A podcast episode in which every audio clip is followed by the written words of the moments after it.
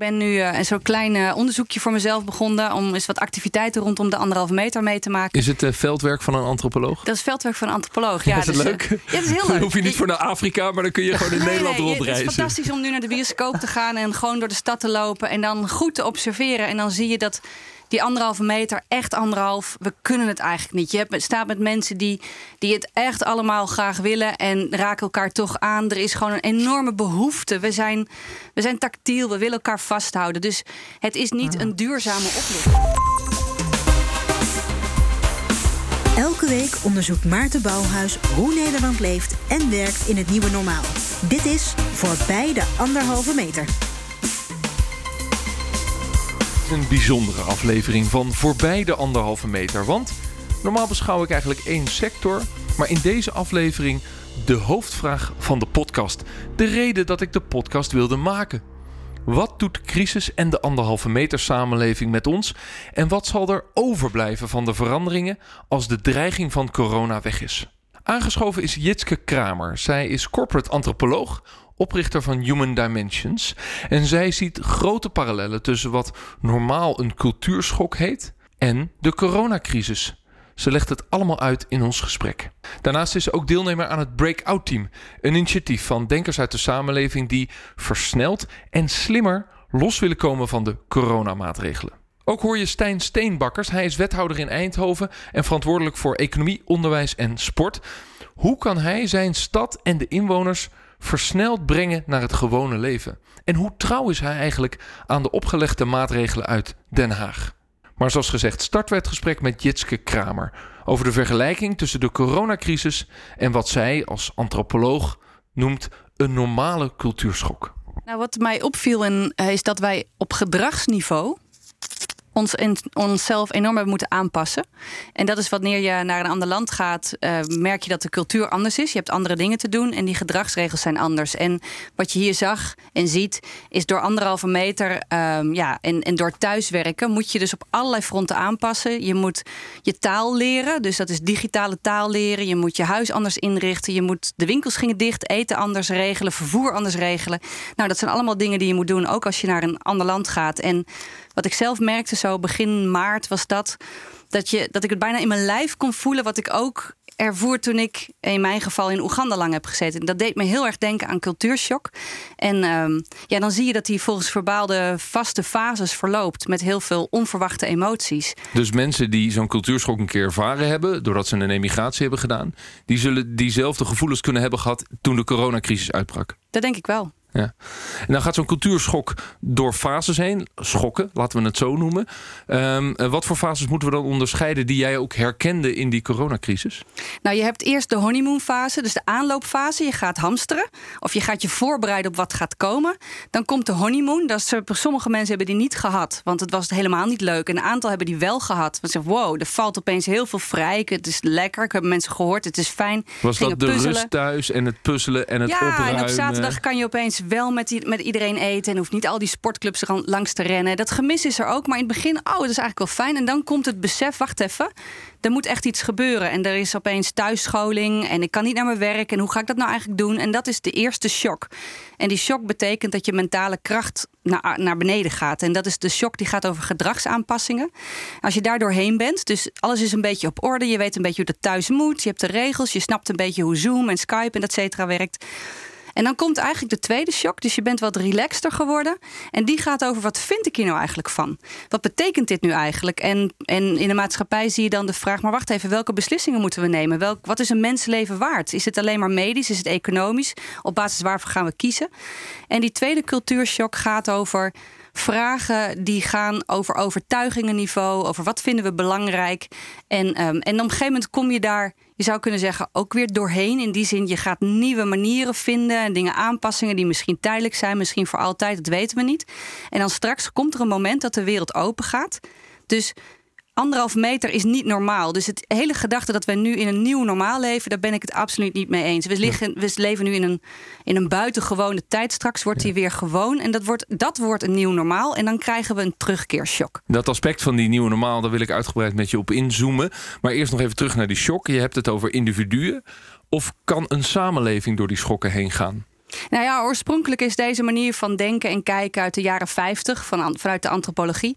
En ik pas hem nu toe op de samenleving. Dus het is een beetje kijken wat gebeurt er dan in. Maar ik denk dat je collectief, ieder individu gaat in een ander tempo door die fases heen. Er zijn nog steeds mensen die in de honeymoon zitten, die zeggen: Wow, dit is heel fijn. Er zijn mensen die nog steeds aan het struggelen zijn met hoe pas ik me aan. En er zijn mensen die gesprekken hebben over wat betekent dit nou werkelijk. En maar dat is dus lastig, want als elk individu in een andere fase zit van zo'n cultuurschok, dan is nog maar de vraag, wat ook een centraal thema is in deze podcast, voorbij de anderhalve meter welke dingen kunnen structureel veranderd blijven na de coronacrisis. Dat kan alleen als de hele samenleving dus door al die schokken heen gaat. Nee, dat hoeft niet.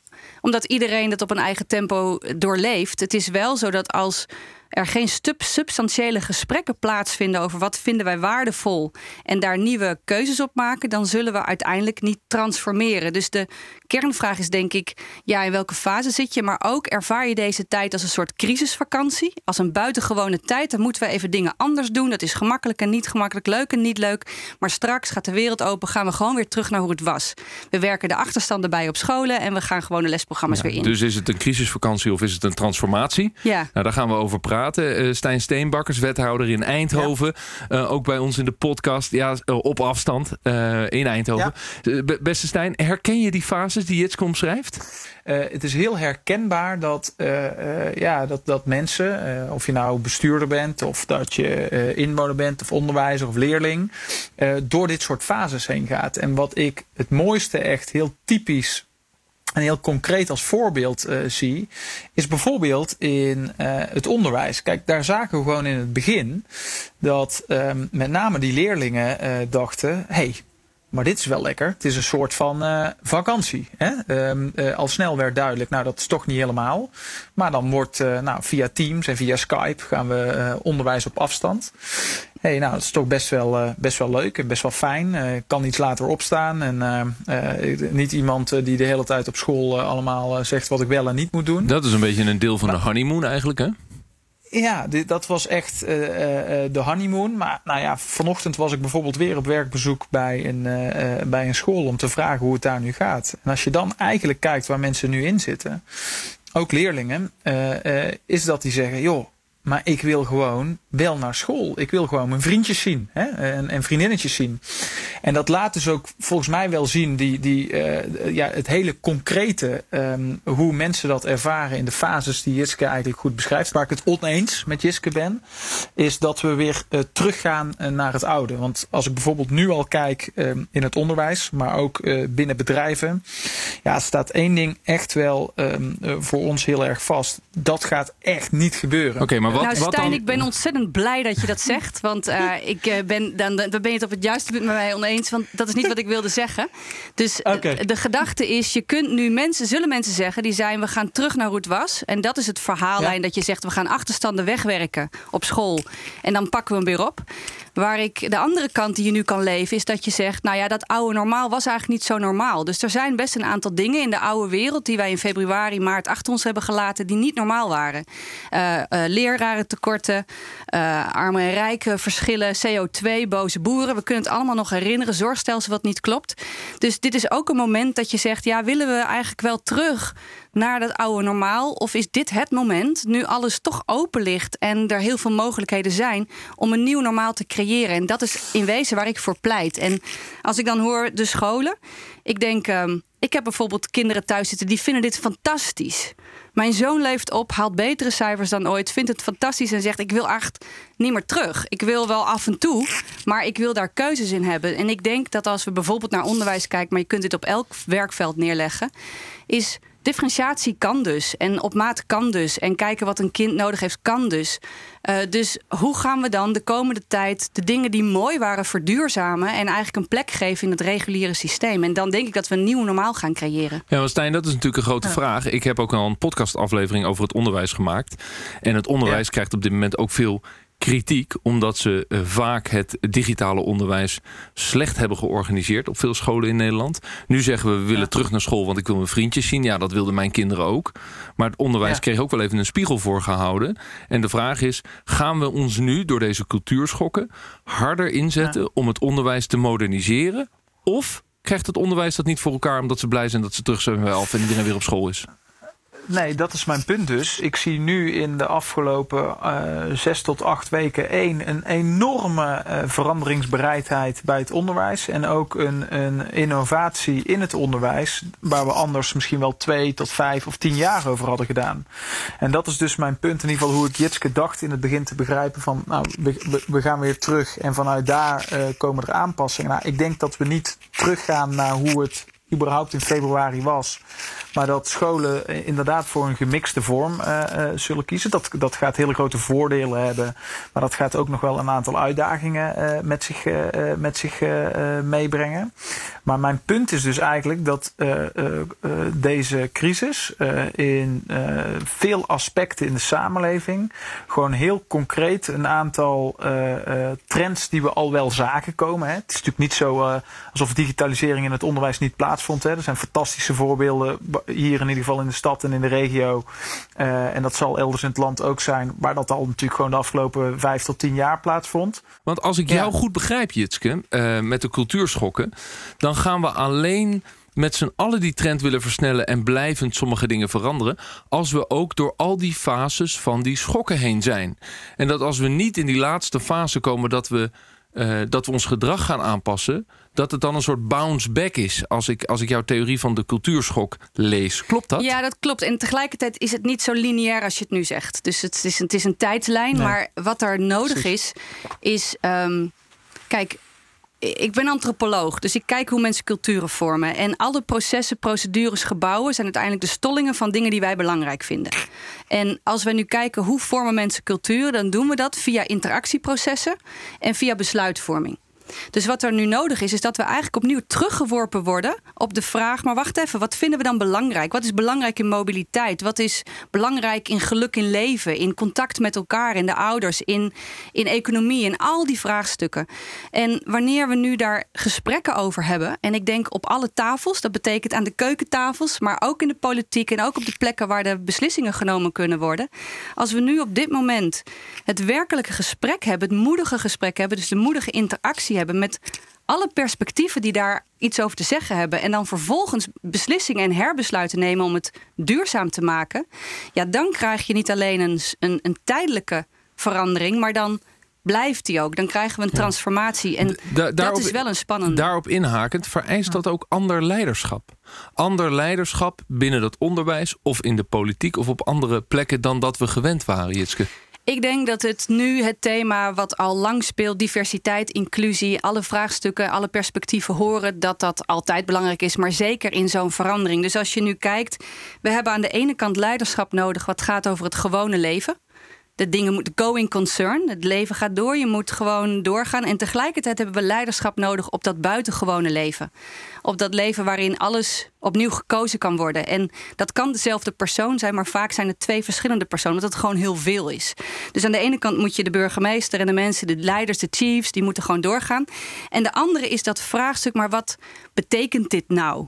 En wat gaan we dan vormen? En dat vraagt om verbeeldingskracht. Dat vraagt om lef, om vragen te stellen bij wat we altijd normaal hebben gevonden. Dat vraagt om twijfel en stilte. En die twee gebieden moet je samenbrengen om tot nieuwe keuzes te komen. En ik denk wat hier spannend in is, dat we aan de ene kant op dit moment die gesprekken bijna als natuurlijk hebben, omdat corona ons daartoe dwingt, of in ieder geval de consequenties daarvan. Um, en dat er tegelijkertijd een grote push zal zijn vanuit de oude normaal of de machtsstructuren die er lagen, om vooral terug te gaan naar hoe het was. Ik ben wel benieuwd waarom Jitske dat laatste zo uh, uh, stelt of denkt. Waarom denk je um, dat er een enorme push zal zijn om uh, naar het oude terug te keren? Natuurlijk zal het op enkele aspecten zeker zo zijn. Maar voel je niet juist dat heel breed gekeken? Gedeeld en gekeken um, uh, gaat worden naar verandering. Hoe gaan we nou om met onze economie, het onderwijs, de sport, de zorg, de, de natuur, de duurzaamheid. Dus mijn vraag is eigenlijk, uh, op, op basis waarvan denk je of vermoed je dat? Omdat in de oude situatie er veel machtsstructuren liggen en, en financiële stromingen waar mensen ook alweer naar terug willen. Dus de economie weer aanzwengelen is snel weer veel aanschaffen. De, de zorgen dat je weer op vakantie gaat, dat je dingen uitgeeft. Op het moment de, de, de wereld gaat weer open, je kan weer naar de sportclubs en je pakt ze allemaal weer op. Dus het, het, ehm, de, de hang naar hoe het was. De, de nostalgie bijna, gecombineerd met de mensen die heel graag willen dat we weer teruggaan naar de systemen. Bijvoorbeeld, ik sprak met mensen uit de zorg die hebben gezegd van ja, in de afgelopen maanden konden we eigenlijk zonder al die regels. Het liep gewoon door. Er was gewoon kwaliteit. En nu komt het systeem weer op gang. Weet je, de, de nood is eraf. Je mag, ik ga weer, moet, gaan we nu die dingen weer mhm. invullen? En als we dat niet meer gaan doen, wat gaan de verzekeraars dan zeggen? En als we dat niet meer gaan doen, wat gaat. Dus dan komt er een domino op gang. En ik denk dat dat heel goed is. Want nogmaals, ik denk dat we een aantal dingen in het oude normaal hadden die eigenlijk niet zo normaal waren.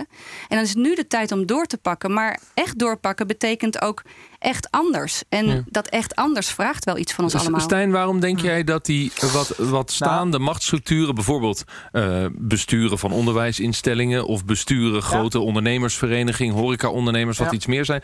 waarom die niet erop in zullen zetten om dingen terug te brengen... maar waarom die er ook misschien in jouw optimistische visie op in zullen zetten om dingen blijvend te veranderen. Waarom denk je dat? Uh, dus ik denk zeker um, dat mensen bereid zijn om het goede te behouden en, en uh, een, een, aantal grote uitdagingen, dat corona dat ook versnelt, dat mensen daar juist bereid zijn uh, tot innovatie. Als je kijkt naar de, de gezondheidszorg, naar duurzaamheid, als je kijkt naar de vraag van ja jongens, vinden wij, en dat is echt een hele expliciete vraag die hier nu in onze economie en, leeft, is eh, vinden we het eigenlijk nog normaal hoe wij onze supply chain, hè, hoe wij ons ecosysteem hebben georganiseerd door alles over de hele wereld te halen?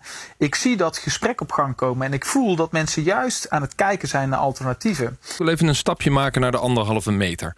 Uh, die is opgelegd door het Rijk. Mijn podcast heet Voorbij de anderhalve meter. Uh, daar gaat het, um, daarmee gaat het over transformaties die misschien overblijven na ons leven in die anderhalve meter. Maar goed, Jitske, jij stelt die anderhalve meter mag niet normaal worden. Hoe um, fel ben je daarin? Nou, wij kunnen het gewoon niet als mensen. ik geloof niet dat wij duizend jaar lang anderhalf meter afstand gaan nee, houden. maar ook niet een jaar? Nou ja, als het moet, dan moet het en dan doen we het. Maar kijk maar om je heen. Ik ben nu uh, een zo'n klein uh, onderzoekje voor mezelf begonnen... om eens wat activiteiten rondom de anderhalve meter mee te maken. Is het uh, veldwerk van een antropoloog? Dat is veldwerk van een antropoloog, ja. is het leuk? ja, dat is heel leuk. Dan hoef je niet voor naar Afrika, maar dan kun je gewoon in Nederland nee, rondreizen. Het is fantastisch om nu naar de bioscoop te gaan... en gewoon door de stad te lopen en dan goed te observeren. En dan zie je dat die anderhalve meter, echt anderhalf, we kunnen het eigenlijk niet. Je hebt, staat met mensen die, die het echt allemaal graag willen en raken elkaar toch aan. Er is gewoon een enorme behoefte. We zijn, we zijn tactiel, we willen elkaar vasthouden. Dus het is niet een duurzame oplossing. Ja. dat is maar de, de, de, letterlijk fysieke kant, maar er is misschien ook een morele kant. Van ja, willen we wel een samenleving zo hebben gedurende een langere periode? Ja, en moeten we niet daar eens anders naar kijken? En wat ik met die anderhalve meter wel lastig vind, en daar, dat gaat buiten mijn expertisegebied. Ik ben geen viroloog ik heb geen idee. Maar wat ik wel zie, is dat wij zijn als mensen verhalende wezens. Dus wij moeten een verhaal hebben uh, wat we kunnen leven. En we zagen toen corona startte dat het verhaal nog niet op orde was. En we gingen hem pas begrijpen toen Flatten the Curve kwam. Dus dat was ons marketingverhaal. En Flatten the Curve, dat gedrag was, was zoeken. En toen kwam het gedrag anderhalve meter. Dat zou je kunnen zeggen, dat was de oplossing voor die eerste cultuurshock. Toen kwam er wat rust, want dan weten we waar we aan toe zijn. En dan is er een verhaal wat ik denk in die tijd ook belangrijk was. Ik weet het niet, ik, ik ben geen viroloog. En het enige wat mij nu opvalt is dat er ook heel veel andere geluiden zijn... die andere invalshoeken brengen op of die anderhalve meter eigenlijk wel nodig is. En, um, en wat mij wat zorgen baart, is dat we geen collectief verhaal hebben, dus geen collectief dialoog en gesprek. Uh, welk verhaal we nu moeten volgen.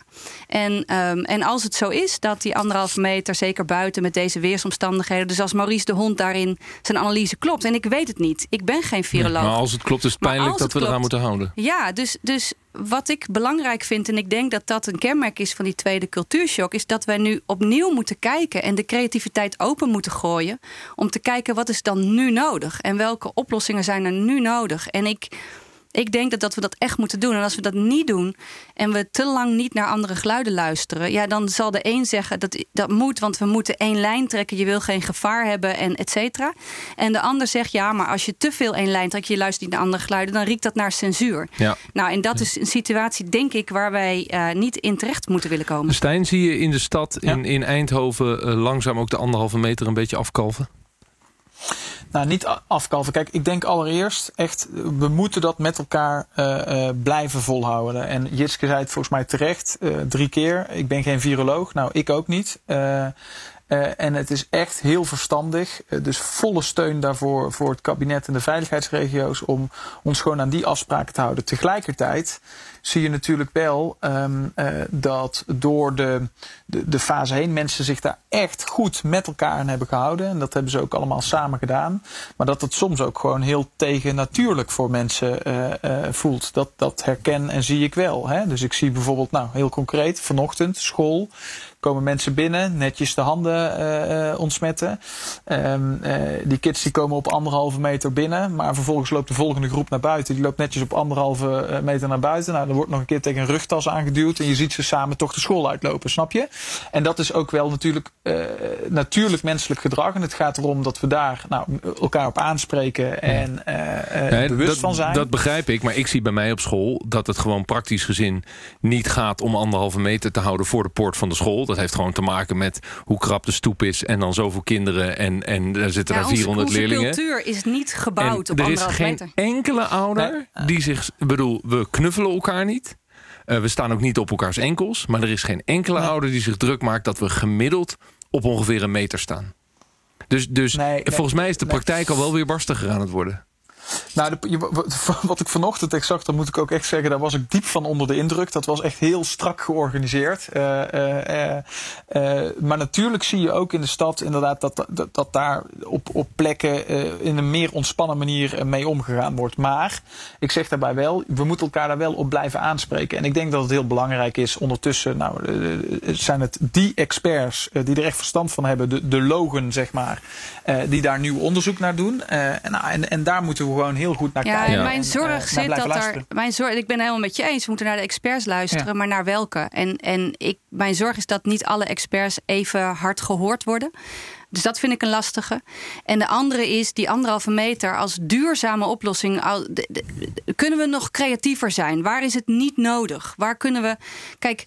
Het nou is ja, makkelijk dat begrijp praten. ik, dat zit wel in de details, Jitske, ja, maar heel nee, maar fundamenteel. Dat zijn geen details. Het ja. zijn mensen die nu thuis zitten en niet naar buiten kunnen, nog steeds op andere plekken in de wereld, die hierdoor honger hebben. Ik heb contacten in Oeganda, die bellen mij op en zeggen: We kunnen niet oogsten nu, we kunnen niet werken op het land. Dat betekent nu honger, maar ook over een aantal maanden.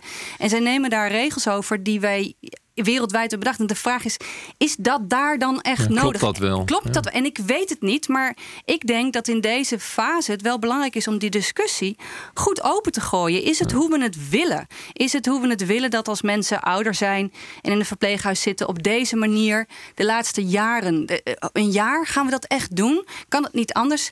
En ja, daarin moeten we ons laten informeren door experts, door de logens, zoals je, je zegt, maar welke? En, en kunnen we dan ook naar de verschillende verhalen luisteren? Of blijven we in een narratief wat nee. misschien niet meer relevant is nu? Vraagteken. Stijn, Stijn legt natuurlijk de vraag op tafel of je als uh, lokale bestuurder, omdat jij de praktijk ziet, en die was vanochtend heel voorbeeldig, maar op andere momenten misschien ja. minder voorbeeldig, dat weet ik niet, dat omdat jij de praktijk ziet en je, en je probeert je ook te informeren, uh, in welke zin zijn de bestuurders, zeker van de grote steden, ook een, een debat aan het opstarten met het Rijk, uh, om hier ook weer uit te komen met elkaar. Want dat we met elkaar wel vaststellen van jongens, dit is geen blijvertje en we kunnen niet alleen maar achter de logo aan blijven lopen. Nou, nee, kijk, wat ik dus echt over het algemeen hier gewoon zie, en dat, ik noem nu het voorbeeld onderwijs, maar ik, zie ook de voorbeelden bijvoorbeeld in het zwembad, hè, waar, waar uh, nu zwem, de zwembaden open zijn en mensen dus op anderhalve meter moeten zwemmen met allerlei aanpassingen. Ik zie het in de economie, ik zie het in de zorg. En ik zie eigenlijk over het algemeen dat mensen zich daar heel goed en keurig aan houden, in het algemeen. En natuurlijk is dat wel eens, gaat het eens een keer mis en dan spreek je elkaar aan. Ik denk dat dat heel belangrijk is. Maar juist uh, vinden wij het als uh, uh, bestuurders ontzettend belangrijk dat we dit heel goed blijven volgen. Ons laten informeren door de logen en dat dat gesprek wordt gevoerd daar waar het gevoerd moet worden. in de Tweede Kamer en in de veiligheidsregio's. En vervolgens moeten we dat ook gewoon goed op een kordate manier met elkaar uitvoeren. En ja, ik denk dat Nederland, als je daar nou, een klein vergelijk maakt met andere eh, landen, dat echt best wel op een slimme manier uh, heeft gedaan. Ik zie de samenleving nou, daar echt op een goede manier lokaal gewoon aan, aan meewerken. Nee, dat begrijp ik. Ik denk ook dat wij als Nederland geluk hebben met deze regering ten opzichte van andere landen en dat die slimme lockdown tot nu toe goed heeft uitgepakt. Ik ben, ja, ik ben wel benieuwd, Stijn en, en Maarten, ja? ook. Hoe kijken jullie naar die mogelijke nieuwe wet? Uh, die is uitgesteld. Die gaat in ieder geval niet per 1 juli komen. Hugo de Jong heeft hem teruggetrokken om uh, in ieder geval de teksten te verbeteren na advies van de Raad van State. Maar er kan dus mogelijk wel een wet komen waarin we afstand gaan omschrijven en allerlei andere noodverordeningen waar, waar, jij, waar jij het mee te doen hebt, Stijn, en die je moet uitvoeren als wethouder, ja. dat die in een wet komen. Vind je dat een goed idee? Of moeten we dat misschien moreel helemaal niet willen? Nou, kijk, waar je lokaal nu op dit moment wel tegen veel vraagstukken aanloopt. En ook nogmaals, daar moeten we ook gewoon in, in dit soort tijden um, uh, heel strak gewoon het advies van de veiligheidsregio's op, uh, oppakken. Maar daar loop je wel soms tegen lastige situaties aan. Dat iets in een noodverordening in veiligheidsregio 1 net iets anders staat omschreven dan uh, in veiligheidsregio 2. En daardoor krijg je, nou, daar mogen dingen wel en op een andere plek in Nederland mogen dingen niet. Ik denk dat zo'n wet dus echt kan ook helpen om, om daar wat meer uniformiteit in te krijgen. Om ook ook Um, uh, uh, dat is ook wat de minister zegt, uh, democratische legitimiteit daar nog meer in aan te brengen. Dat is ook een wens van de Kamer geweest natuurlijk. Dus lijkt mij gewoon heel goed dat er de tijd wordt genomen om, om die wet op een goede manier ehm, neer te zetten. Dat er een goed democratisch debat over is. Um, en volgens mij gebeurt dat op dit moment. En, ben je niet bang zin... voor het feit dat als we dit soort wetten gaan maken, dat het gevolg ja. kan zijn dat, dat we dingen veel langer onder ons houden dan dat mogelijk en nodig zou zijn? Dat is de grote kritiek op het feit dat je het daadwerkelijk in de wet zet. Eh, want een noodverordening suggereert in ieder geval dat het echt een unieke situatie is waarin we zitten, waar we ook weer uit willen. Nou, ik heb, ik heb de vaste overtuiging in onze 150 volksvertegenwoordigers dat die daar met elkaar een goed uh, gesprek en debat over aangaan. En dat is ook de plek waar dat uh, hoort te gebeuren. En dat is ook de manier waarop ik er tegenaan kijk. Ik denk dat het verstandig is. Het is ook een roep breed geweest uit de Kamer om zo'n wet te maken. Nou, nu wordt die gemaakt. Hij ligt er misschien niet voor 1 juli, maar dan iets later. Nou, en dan zal daar het, het gesprek plaatsvinden van hoe, hoe lang, welke voorwaarden. Um, ja, dus ik denk eigenlijk zie ik dat gewoon uh, uh, als een wens in ieder geval van een ruime meerderheid uh, van de Kamer die toch dan het Nederlandse volk vertegenwoordigt. Ja. Jitske, jij stelt de vraag aan Stijn, maar je bent er zelf tegen dat dat in de wet komt? Ja, ik maak me daar heel veel zorgen om. Ik denk dat we daarmee iets in antropologentaal stollen, solificeren. Dus dat we iets vastleggen wat niet normaal is en niet wenselijk is. En ik denk dat we dat in een buitengewone tijd moeten houden. Dus dat we niet zeggen: dit is het nieuwe normaal. Ik vind ook het hele gedachte dat we nu leven in het nieuwe normaal. Daar zou ik graag mee stoppen. Dus we leven in een buitengewone tijd en straks. Wanneer, weet ik niet, maar gaan we weer naar normaal in zoverre dat die anderhalve meter gaat stoppen. Dat is niet iets voor de eeuwigheid. Ik ben in gesprek met Stijn Steenbakkers, wethouder in Eindhoven... en de antropoloog Jitske Kramer. Nou, Jitske is een van de opstellers van het manifest van het Breakout Team. Een groep betrokken denkers en doeners, zoals ze het zelf zeggen... die de weeffouten in het systeem willen onderzoeken... en de praktijk van hoe wij uit deze coronacrisis moeten komen... willen veranderen, willen versnellen. En ze willen de samenleving ook een beetje opnieuw inrichten... met de lessen uit de coronacrisis. Initiatiefnemer is Jan Rotmans. We kennen hem natuurlijk als de duurzame denker. Dus hij zal de samenleving zeker willen verduurzamen. Bob de Wit van Nijenrode doet mee. Christian Kromme, Jury van Geest, Talita Muze en een hele hoop meer. Ze hebben elf bouwstenen gemaakt voor een weg uit de crisis. De eerste luidt: de anderhalve meter is niet normaal. Nou, aan Jitske natuurlijk de vraag waarom zij onderdeel is van het breakout team. Ik maak mij zorgen dat niet alle verhalen gehoord kunnen worden. En uh, dat ik denk van zouden we dat ook anders kunnen doen? En ik vind het belangrijk om daar vanuit mijn eigen expertise, wat de antropologie is en hoe mensen culturen vormen, um, mijn stem te laten horen en mijn gedachten te delen. Dus daarom ben ik daarin gaan zitten. Een van de bouwstenen, want het heeft elf bouwstenen, gaat over een onderstroom van de samenleving. Waarin die onderstroom in de samenleving eigenlijk zichzelf opnieuw moet zetten. Uh, in ja, misschien het oude normaal of het nieuwe normaal. Maar dat ook een soort einde moet zijn van de top-down benadering die er nu is op basis van de regels.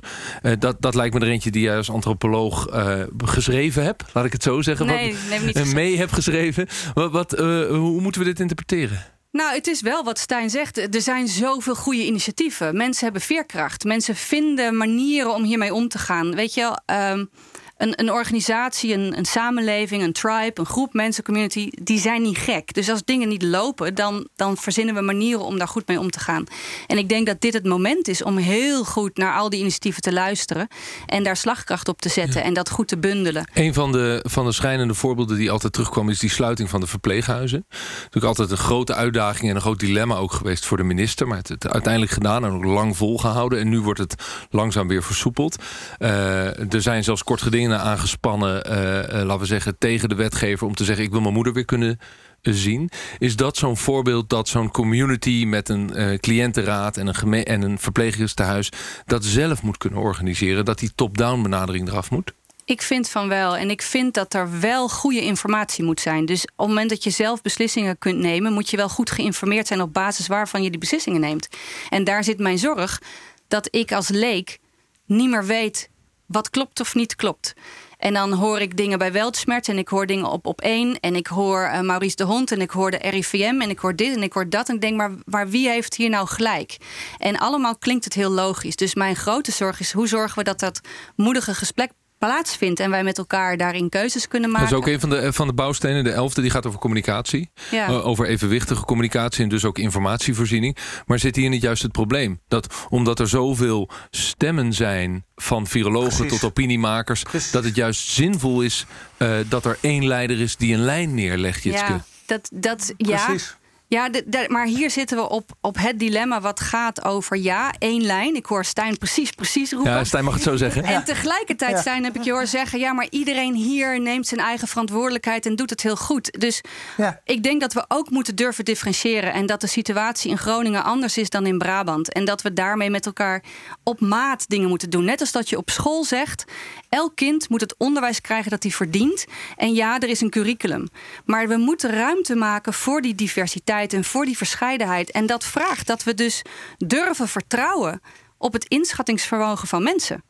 Stijn? Uh, de, het kan dus wel ja. samen. Aan de ene kant een, een, leider hebben, misschien lijnen uitzetten. Maar aan de andere kant toch meer verantwoordelijkheid over de definitieve detailkeuzes en de maatwerk lokaal uh, per instelling, per regio organiseren. Zou dat kunnen?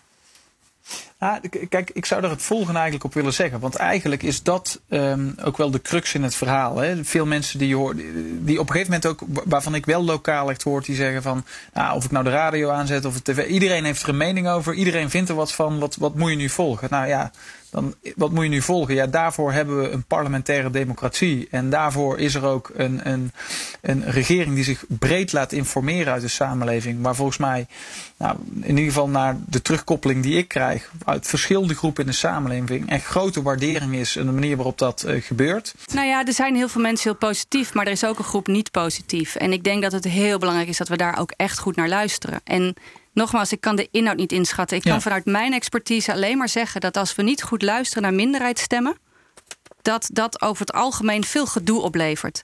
Dus mm -hmm. als we nu met elkaar de kaders gaan stellen, die kaders die zo bepalend zijn voor de economie, voor ons mens zijn, voor ons welzijn, laten we dan die kaderstelling zo inclusief mogelijk doen en daarin ook alle geluiden horen en niet die kaderstelling autocratisch of, of, of meer gesloten en, en, en onduidelijk waar die vandaan komen. En dan daarbinnen inventief zijn. Dus ik pleit heel erg voor ja, veel inclusiviteit in ook dat gesprek. Vanuit alle verschillende invalshoeken, hoe moeilijk dat ook is.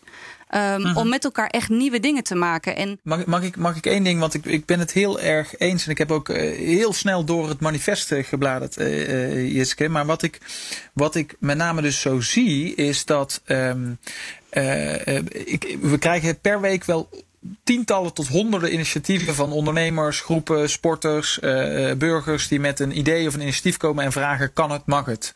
En op heel veel dingen uh, proberen op alles mee te denken, hoe, hoe, dingen wel kunnen, maar soms kunnen dingen ook niet. En wat mij met name opvalt, is dat juist die groep die soms zegt: van nou, moeten we het zus of zo doen, en die krijgen een antwoord wat even niet ehm, precies de uitkomst is die men had gewild, dat er ook heel veel begrip op terugkomt en dat zojuist een overheid treffen die ook echt in de meedenkstand zit. En waar ik enorm door uh, getroffen werd in het manifest en het ontzettend eens mee ben, is um, dat, uh, dat aspect van evenwichtige communicatie.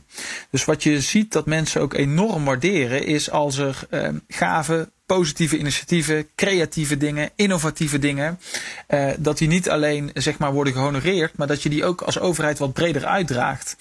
En dat is ook iets wat, waar wij wel heel veel aandacht voor proberen te hebben. Uh, uh, zo in, in, de beperkte rol uh, die je hebt. Dat als je ergens dingen nou juist heel positief, creatief, innovatief ziet gebeuren.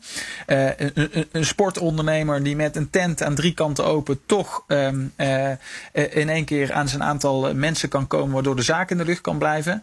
Ja, dat heel actief delen als overheid met al die andere sportondernemers in de stad. Ja, dan zie je gewoon dat er ook een soort vibe ontstaat van...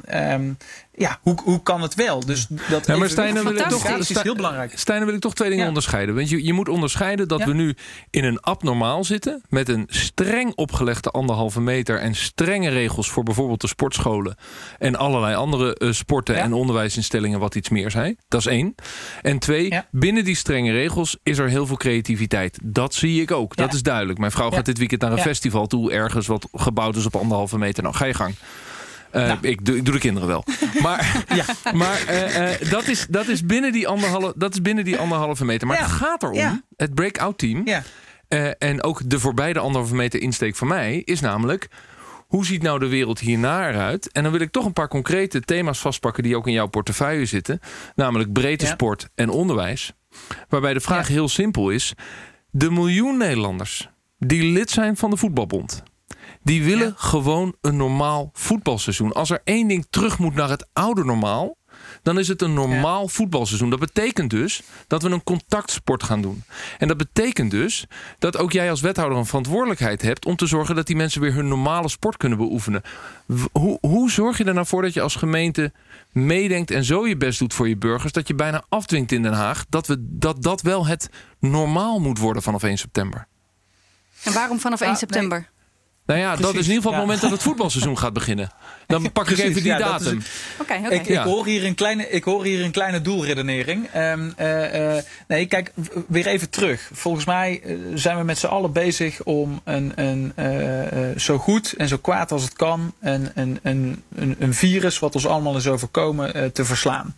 Um, wat ik zie is inderdaad één, dat daar heel veel behoefte aan is. En overigens ook inderdaad toevallig ook nog op een voetbalclub vorige week. Maar dat daar vooral wordt gezegd... maar joh, we snappen het eigenlijk best wel, wethouder Um, dat als dit kan bijdragen dat uh, de oma van het uh, teamgenoot niet besmet raakt. Nou, dan trap ik wel wat langer uh, lange ballen of doen we koptrainingen of iets anders. En natuurlijk is dat vervelend. En natuurlijk is er de intentie. En ook dat lijkt me ook volstrekt goed en normaal dat we op den duur weer gewoon kunnen, kunnen voetballen met elkaar. Hè?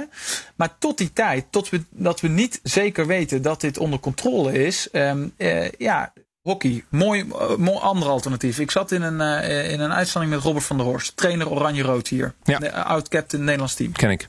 Ik vraag aan Robert, Robert, ja, joh, joh, is, dit nou, is dit nou leuk? Ik zeg, want ja, ik ben zelf ook hockeyer geweest. Is het nou leuk om te hockeyen op anderhalve meter?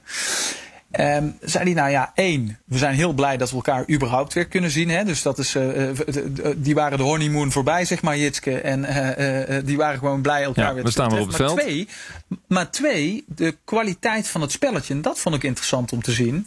het spelletje gaat misschien ook wel veranderen door dit systeem. Natuurlijk niet 180 graden.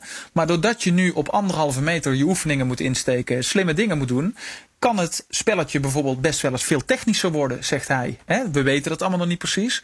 Dus het is niet alleen negatief wat er gebeurt voor de sport, maar het, is ook, het kan ook wel weer positieve eh, effecten hebben. Ja. Dus ja, wij proberen daar toch hier in Eindhoven altijd met een hele positieve blik ja, naar te kijken. Ik, ik hoor je positiviteit en ik herken het in mijn eigen trainingen. Uh, er gebeuren nieuwe dingen op het veld doordat we afstand moeten houden. Dat, dat, dat zie ik Ja. ook. Maar ik zie ook dat de club bijna op omvallen staat.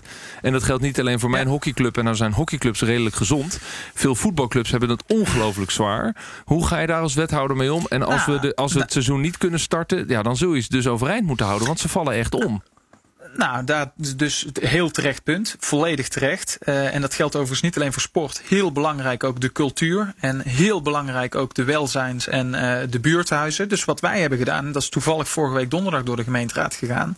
Gewoon financiële ondersteuning voor al die drie terreinen eh, voor de komende maanden. 7 miljoen euro. Maar dat pakken we als gemeente om die maatschappelijke infrastructuur in stand te houden. En wat we zien is dat heel veel clubs zeggen, joh, dat geeft ons best wel wat ruimte om ook te denken over alternatieven En er worden drive-in barbecues en nou, van, van alles binnen de regels wordt georganiseerd om ook structureel weer aan de slag te kunnen. Ja, en we zien daar ook daar weer best wel wat positiviteit. Ook echt wel wat vragen. Echt een, een vraagstuk voor die sport is: ja, wanneer mogen die kantines met name gewoon weer uh, echt op een, op een normale manier open? Want daar zit echt nog wel een structureel vraagstuk. Daar zijn we ook echt nog niet uit. Maar we hebben het voor 2020 in ieder geval in Eindhoven nu geregeld. Um, uh, dat die vitale sport, um, cultuur en ook welzijnsinfrastructuur overeind blijft staan. En ja, dat kost geld. Um, er is een prachtige reconstructie geweest in het Uh, over het kabinet in de beginweken van de crisis. En daar werd Rutte beschouwd um, over zijn leiderschap en de, de manier waarop hij uh, als premier ons door deze crisis heen loodst. Uh, maar de journalist had toch via een bron op kunnen tekenen dat Rutte binnenskamers af en toe zei. En ik zeg het gewoon op onze zender, dat kutvirus unquote. Hoe geldt dat uh, voor het college van Eindhoven? Dat je, dat je de positiviteit hebt, maar dat je ook af en toe binnenskamers tegen elkaar zegt: jongens, die stad ja. moet weer aan. Dit kunnen we onze burgers niet aandoen. Wat kunnen nee, we doen? Ik bedoel, hoe voel je je erbij? Maarten. Tuurlijk, tuurlijk, Maarten. Daar heb je echt absoluut het punt. Bij ons heet dat soms uh, corona-moe. Hè? Uh, de hele dag en dan 18 of 20 Teams-vergaderingen of Skype-vergaderingen achter elkaar. Dat is niet je van het, zeg maar. Hè? En ook als je ziet dat de stad toch op, op punten leeg is en op andere punten nog niet optimaal opgestart is. Tuurlijk doet dat in sommige stukken pijn. Um, en dat mag je ook gewoon benoemen. Hè? Dus het hoeft echt niet alleen maar een Hosanna-verhaal uh, te zijn. Maar tegelijkertijd is het wel dat, dat doel, volgens mij, wat we met elkaar hebben: dat virus onder controle hebben, houden. Um, uh, en met elkaar, um, zeg maar, die volgende, die volgende fase in. Hè? En er zijn ook allerlei hoopvolle berichten over, uh, over hoe we dat gaan doen met vaccins en andere dingen. En de positiviteit behouden en de creativiteit behouden. En daar sluit ik overigens wel helemaal aan uh, bij Jitske. Dit moment ook gebruiken om uh, op een aantal aspecten uh, in onze samenleving nou, te kijken, kan het nog beter, kan het nog slimmer, kan het nog duurzamer. En ik denk dat dat heel verstandig is. Ja, Jitske, tot slot, als je kijkt naar het manifest van het breakout team, dan heeft het eigenlijk twee onderdelen. Het heeft het onderdeel van uh, dingen toch weer een terugbrengen, naar normale proporties en hoe we als samenleving willen leven met elkaar. Bijvoorbeeld mijn voorbeeld van de sport zou je er een beetje in kunnen vertalen, of de cultuursector. Ook een belangrijk uh, onderdeel misschien als een van de bouwstenen. Maar er zit ook een deel van transformatie in. Dat zijn eigenlijk, dat twee verschillende dingen. Transformatie, als het gaat over duurzaamheid, pakken we het nu op. Jan Rotmans was een van de initiatiefnemers. Pakken we het nu op om die duurzaamheid te versnellen. Um, welke denk je dat uh, eerder tot succes gaat komen? Nou, dat weet ik niet. Ik ben een duider, antropoloog duiden. Ik ben geen toekomstkijker. Um, en wat ik wel nog wil zeggen is, kijk, als, als ik zeker weet, als ik voor mezelf persoonlijk spreek, dat anderhalve meter de oplossing is, dan hou ik dit zo vol zolang het moet. Mijn punt is vooral dat we moeten kijken en niet blind staren of dat helemaal op alle punten, op elk moment, anderhalf meter is. Hetzelfde geldt voor mondkapjes, hetzelfde geldt voor ventilatiesysteem, hetzelfde geldt voor binnen-buiten. De, de, de, de winter komt eraan, de griepseizoen. Dus ik vind het heel belangrijk dat we gedetailleerd blijven kijken. Um, en ik weet vanuit mijn vakgebied dat op het moment dat we niet goed naar alle stemmen luisteren, dat de kwaliteit van de beslissingen minder wordt en dat het gedoe toeneemt. Wethouder Stijn Steenbakkers volgt Den Haag. En dat doet hij plichtsgetrouw als ik goed naar zijn antwoorden luister. Hij combineert dat wel met een manier waarop ze in Eindhoven altijd voorop willen lopen. Om ook die stad snel weer aan te zetten. Jitske Kramer is kritisch. De mens is niet geschikt voor de anderhalve meter en ze heeft twijfels of het wel klopt. Kan de samenleving niet slimmer weer aan? Dat is haar boodschap. Dit was de achtste aflevering van Voorbij de Anderhalve Meter. Ben je benieuwd naar het hele verhaal van het Breakout Team en de corona-cultuurschok, zoals Jitske Kramer die gemaakt heeft? Kijk dan even in de show notes bij deze podcast. Mijn naam is Maarten Bouwhuis. Bedankt voor het luisteren. Tot volgende week.